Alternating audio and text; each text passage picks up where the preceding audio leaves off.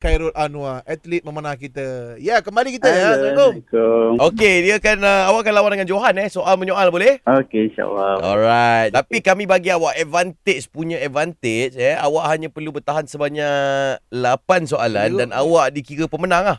Okey. Situasinya dua orang yang sedang bertraining, training memanah. So Johan pun atlet lah.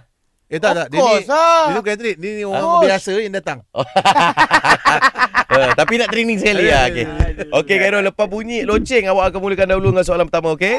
Fight. Silakan. Johan tadi mana ke?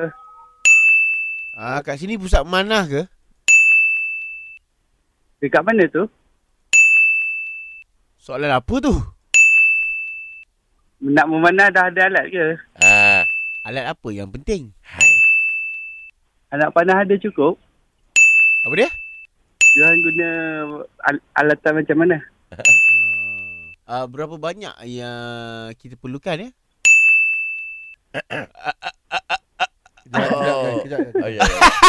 Dia blank. Aduh. Kejap, Tadi, angin, tadi. angin. Ah, oh, angin, angin, angin. Ah, mana boleh memanah tak angin kan? Betul Ah. kan? Itulah dia.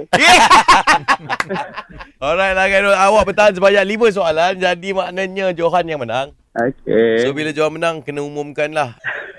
Hello Johan. Oh, sepuluh.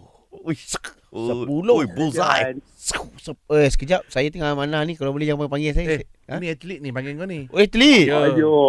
Oh, okey, okey. Hey, alamak. Gerul.